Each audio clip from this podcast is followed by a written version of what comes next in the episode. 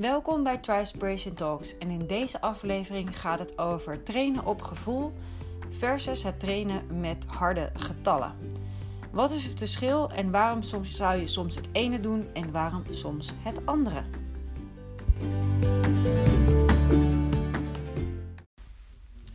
Ja, waarom zou je nou soms gaan trainen op gevoel? Nou, ik heb daar heel veel verschillende redenen voor. Ik ga ze even met je doornemen. Ten eerste, laat ik andersom beginnen. Als jij nog nooit met een hartslagmeter hebt getraind, of nog nooit met een wattagemeter hebt getraind, of überhaupt met getallen dat je weet hoe hard je fietst, hoe hard je loopt, of hoe snel je gaat en met welke intensiteit je iets doet, dan zou ik in eerste instantie zeggen: ga daarmee beginnen. Kijk eens naar de getallen en kijk eens wat het doet met je lichaam. En als je het echt exact wil weten, dan zou ik zeggen: doe een test. Doe een test bij een sportlab waar ze officiële testen doen, waardoor ze gewoon goed inzicht kunnen geven aan jou over hoe jouw hartslagzones in elkaar zitten. Wanneer ga jij verzuren? Wanneer heb je je maximum? Welke snelheid hoort daarbij? Of welke uh, wattage hoort daarbij met fietsen? Enzovoorts. Dus dat je inzicht krijgt in hoe jouw lichaam in elkaar zit. En dan met betrekking tot de getallen. Dus hoe jouw fysiologie zeg maar ook in elkaar zit. Nou is het ook heel belangrijk om als je dat weet, dat je daar ook mee gaat trainen. En als je daar heel lang mee gaat trainen en heel vaak mee gaat trainen en dat altijd maar blijft doen, dan verlies je, naar mijn gevoel, soms het gevoel. Voelen hoe je lichaam aanvoelt. Want de vorm van de dag zegt soms meer dan je hartslag. Je hartslag wordt beïnvloed namelijk ook door jouw stress of door slecht slapen of niet goed eten. Uh, of als het heel warm weer is, dan zal je hartslag sneller stijgen. En in de test kwam uit dat jij in zone 1 kon gaan hardlopen met 8,5 km per uur. Maar als het in één keer 30 graden is en je staat stil uh, en je gaat uh, twee passen wandelen, zit je al gelijk in zone 1, is je hartslag gelijk al hoog. Dus kan je niet meer hardlopen in zone 1. Terwijl qua gevoel uh, zit je wel in zone 1, maar je hartslag zegt het anders. Dus dat is zeg maar wat de, de invloed van hartslag, of nee, de invloed van buitenaf, je hartslag wordt geregeld. Dus je hartslag is niet altijd een absoluut hard getal waar je op zou moeten blind staren. Kijk, op wattage trainen bij je fiets, dat is wel een absoluut getal. Maar daarbij zeg ik ook, soms heb je een hele goede vorm op een bepaalde dag. En soms ben je niet in goede vorm op een bepaalde dag.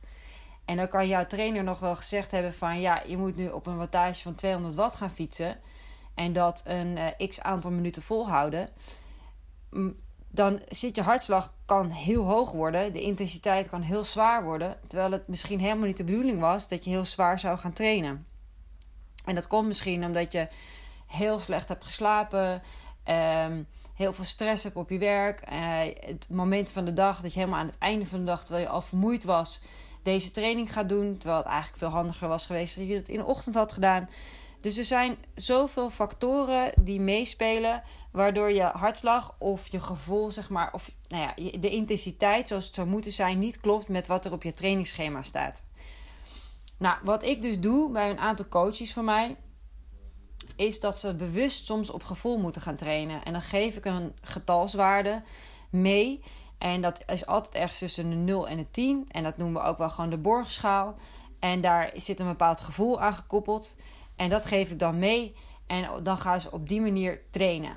Nou, ze doen meestal wel de hartslagmeter om. En dat ik zeg van nou, we willen ook even kijken wat dat hartslag dan doet. Dus jij gaat op gevoel, op een bepaald gevoel, ga je hardlopen of fietsen. En dan gaan we daarna kijken uh, wat dat doet met je hartslag.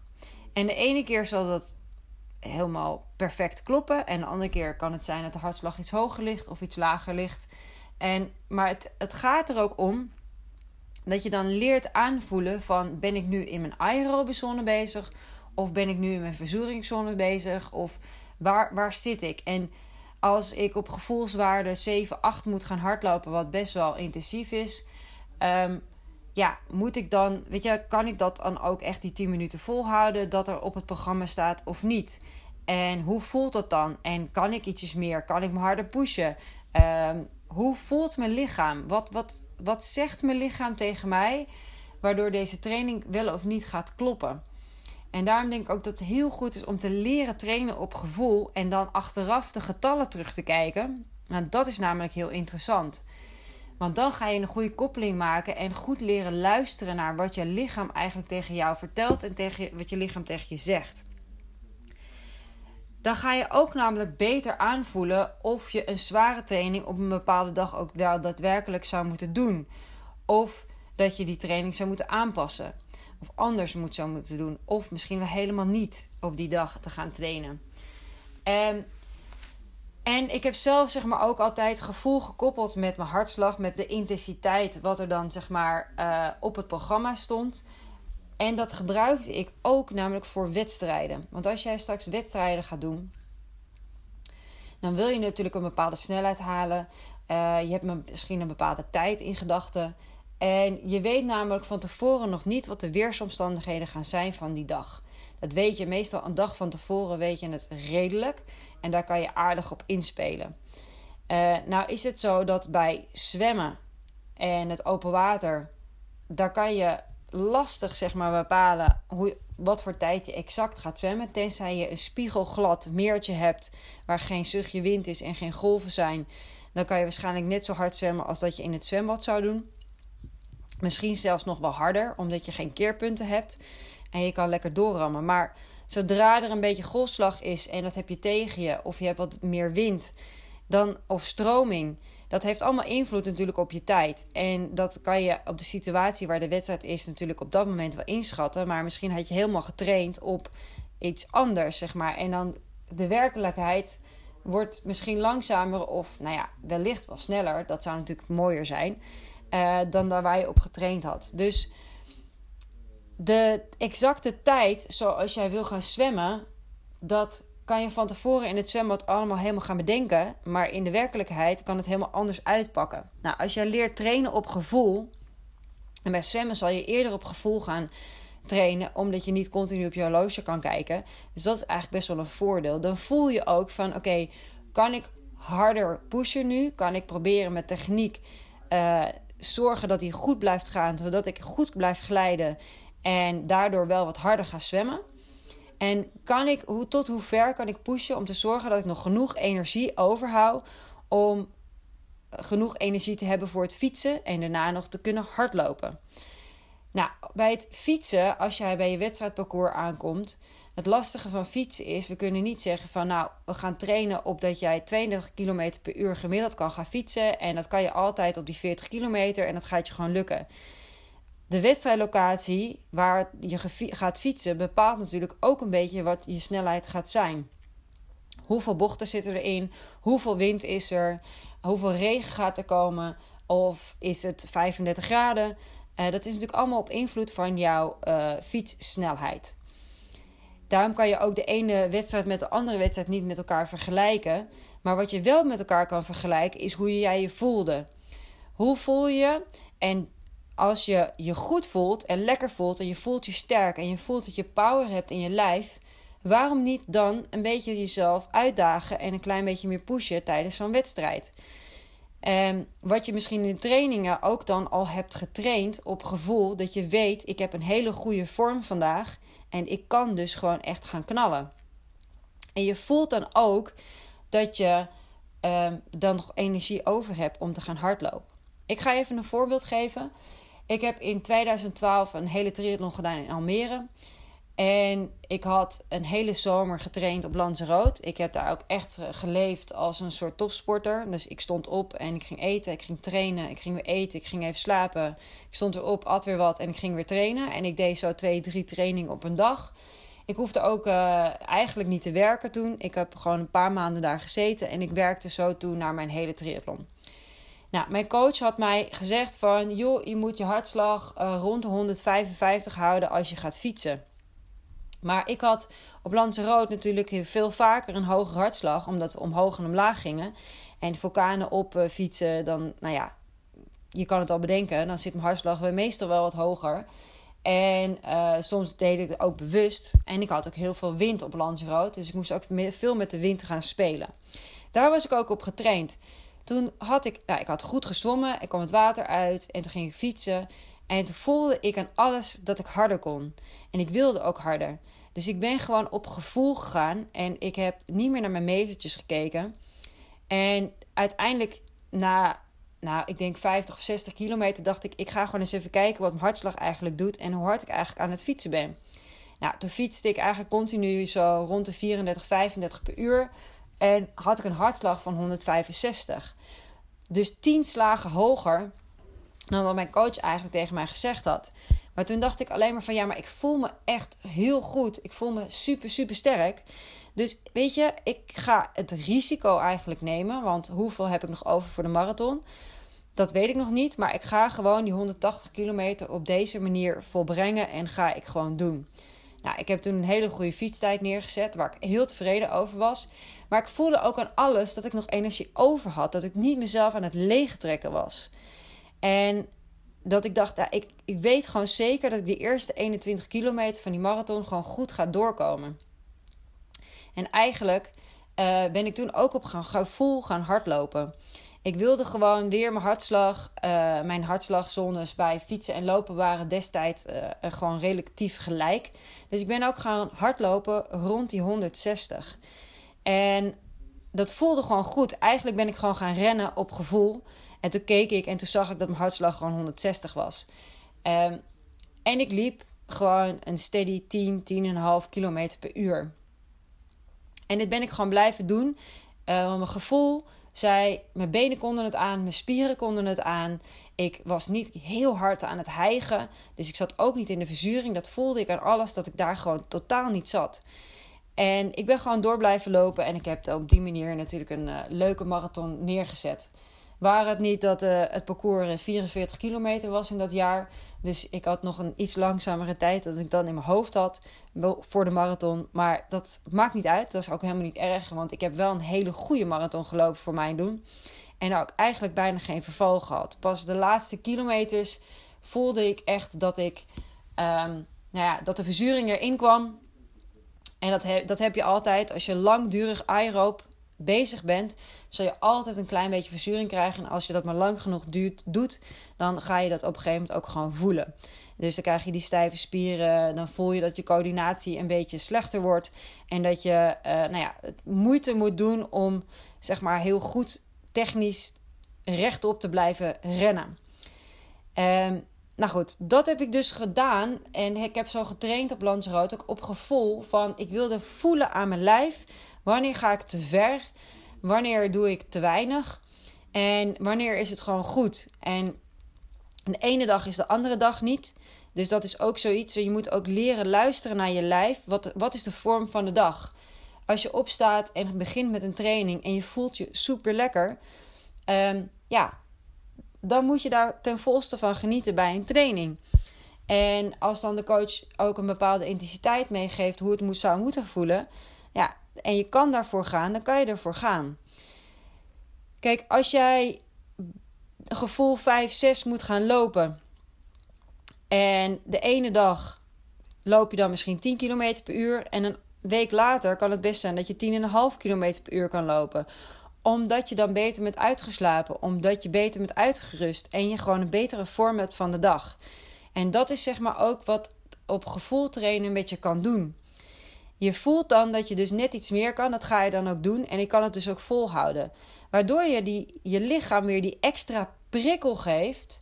En weer een extra uitdaging geeft. En erachter komt dat je dus, nou ja, net even dat stapje meer kan doen.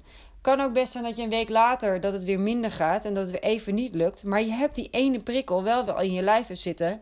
Dat je net iets meer kon. En die komt dan wel weer terug. En daar moet je dan ook op leren vertrouwen. Dus het leren vertrouwen op je lichaam en wat je lichaam zegt en welke signalen het geeft, uh, dat is denk ik ook een hele goede om af en toe gewoon uh, de hartslag los te laten, de cijfers los te laten en dan op gevoel te gaan trainen. Um, Kijk, en wat zijn nou die signalen in je lichaam? Welke signalen geeft je lichaam? Nou, dat is, je hebt je ademhaling. En je ademhaling kan heel relaxed zijn of die kan heel snel gaan en alles daartussenin. En dat is ook van, kan ik met iemand praten? Dus als ik zo aan het kletsen ben en ik ben aan het hardlopen, dan zit ik natuurlijk in een lage zone, lage intensiteit, want anders zou ik niet kunnen praten. Nou, als je in een hogere intensiteit zit, dan kan je ook steeds minder. Uh, dus worden de zinnen steeds korter, totdat je eigenlijk alleen nog maar ja en nee kan knikken. Maar dan zit je echt op uh, hoge sprintintensiteit. Nou, dus dat zijn de signalen. Onder andere je ademhaling. Kan ik wel of niet praten? Um, voel ik dat ik meer spierspanning heb? En uh, moet ik mijn knie meer inzetten of minder inzetten? Um, voel ik dat mijn spieren een soort ja, vollopen. Dat noemen we melkzuur, verzuring. Uh, hoe zit het met mijn coördinatie? En dat zijn allemaal signalen die je lichaam kan geven. Maar ook bijvoorbeeld misschien bepaalde pijntjes. En als je je lichaam heel goed leert aanvoelen, dan voel je op een gegeven moment dat bepaalde pijntjes uh, niet erg zijn en geen blessure gaan worden. Maar dat dat gewoon uh, je lichaam net een beetje harder pushen, net een beetje over die grens heen laat gaan, maar waardoor je wel een extra prikkel geeft, je lichaam dus uit balans trekt, um, waardoor je die, dat trainingsverschil weer gaat maken. Want als je daarna de goed herstel ingaat, dan zal je een goede supercompensatie krijgen en dan uh, heeft die prikkel echt, echt nut gehad. En dan, dat pijntje heeft dan ook nut gehad. Maar je hebt op een gegeven moment voel je ook aan je lijf wanneer het een foute pijn is. Wanneer je voelt van oké, als ik nu doorga op dit gevoel waar ik nu op zou willen trainen, dan ga ik gewoon echt dingen kapot maken. Dus ik ga een stapje terug en op gevoel ga ik dus ook minder intensief verder. Dus ik denk ook, uh, ja, eigenlijk zou ik je ook best wel willen uitdagen om soms gewoon ook op gevoel te gaan trainen. Nou, de, wat ik al zei, daar gebruik ik de borgschaal voor. En dat is dan uh, van 0 tot 10. En ja, um, als je intensiteit 0,1, dat is gewoon als je stil zit. Uh, en dan doe je eigenlijk nog niks. En vanaf, uh, vanaf 2, 3, dan begin je al een beetje in beweging te komen. Dan zit je eigenlijk in een soort wandel, misschien slash dribbeltempo als je bij de 3, 4 zit. En dan vanaf daar uh, bouwt het zich op. 9 en 10, dat zijn natuurlijk echt de sprinten, het verzuren. En dan zit je in je anaerobe zone. 7, 8 eigenlijk ook al. Uh, maar dan zit je ongeveer rond je omslagpunt. Dus er zijn allemaal op internet ook hele mooie borgschalen te vinden. Er staat ook soms vaak uh, bij welke hartslagpercentages daarbij horen. Uh, of welke FTP-zones van het fietsen bij horen. Um, en dat is heel leuk om dat soms goed door te lezen. En dan staat omschreven wat het gevoel zou moeten zijn. Dus wat kan je wel praten, kan je niet praten, hoeveel kan je praten, hoeveel hijg je en wat voel je dan in je lichaam als je in deze intensiteit volgens de borstschaal gaat trainen. Nou, als je die, die dingen allemaal gaat combineren met elkaar, dan ga je dus heel goed je lichaam leren kennen. En dan ga je steeds beter en nauwer kunnen trainen. Waardoor je ook met de kleinste dingen nog resultaat kan boeken en kan maken. Dat vergt wel tijd. Dat heb je niet in binnen een paar trainingen geregeld. Je zal meerdere trainingen zo moeten doen. En best wel een lange periode. En dan zal je uiteindelijk leren aanvoelen. Nou ja, wat goed is, wat niet goed is. Kan ik harder? Kan ik, moet ik toch een tandje terug? En dat kan heel nuttig zijn bij wedstrijden. Of je dan het uiterste uit jezelf kan halen. Of dat je nou ja, maar aan het pushen bent om het pushen en eigenlijk geen stap sneller gaat. En dat is ook een stukje mentaal aspect, hoe je daar dan ook mee kan leren omgaan. En ik denk dat dat ook een reden is waarom je op gevoel zou kunnen trainen. Leren omgaan met wat je lichaam jou vertelt. En dus mentaal daarop kan inspelen. En hoe je dat dan kan omzetten naar iets positiefs. Waardoor je niet gaat pushen om het pushen.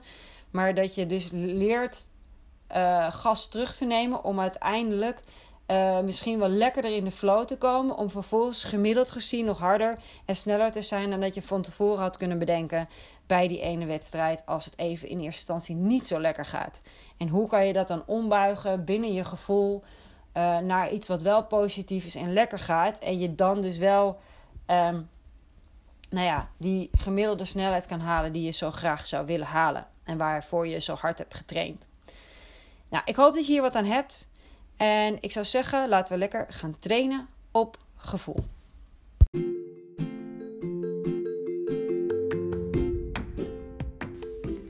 Dank voor het luisteren en ik hoop dat je hier wat aan hebt gehad. En wie weet wat voor leuke trainingsresultaten je nu nog kan gaan bereiken. Wil je meer weten en wil je op de hoogte blijven? Abonneer je dan op Trispiration Talks en ik zeg tot de volgende keer.